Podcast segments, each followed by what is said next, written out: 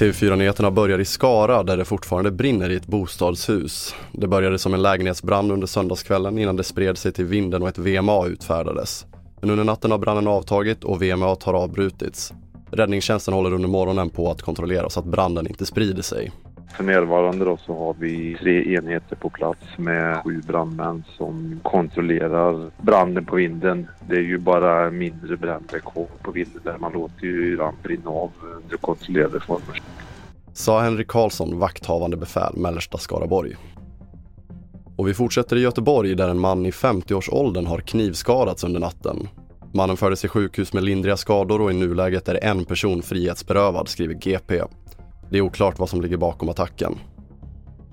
Och vi avslutar i Colombia där den tidigare rebellledaren och vänsterkandidaten Gustavo Petro vann presidentvalet med en knapp marginal.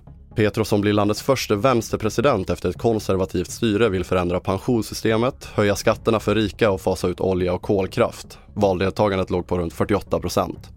Fler nyheter hittar du på tv4.se. Jag heter André Metenen Persson.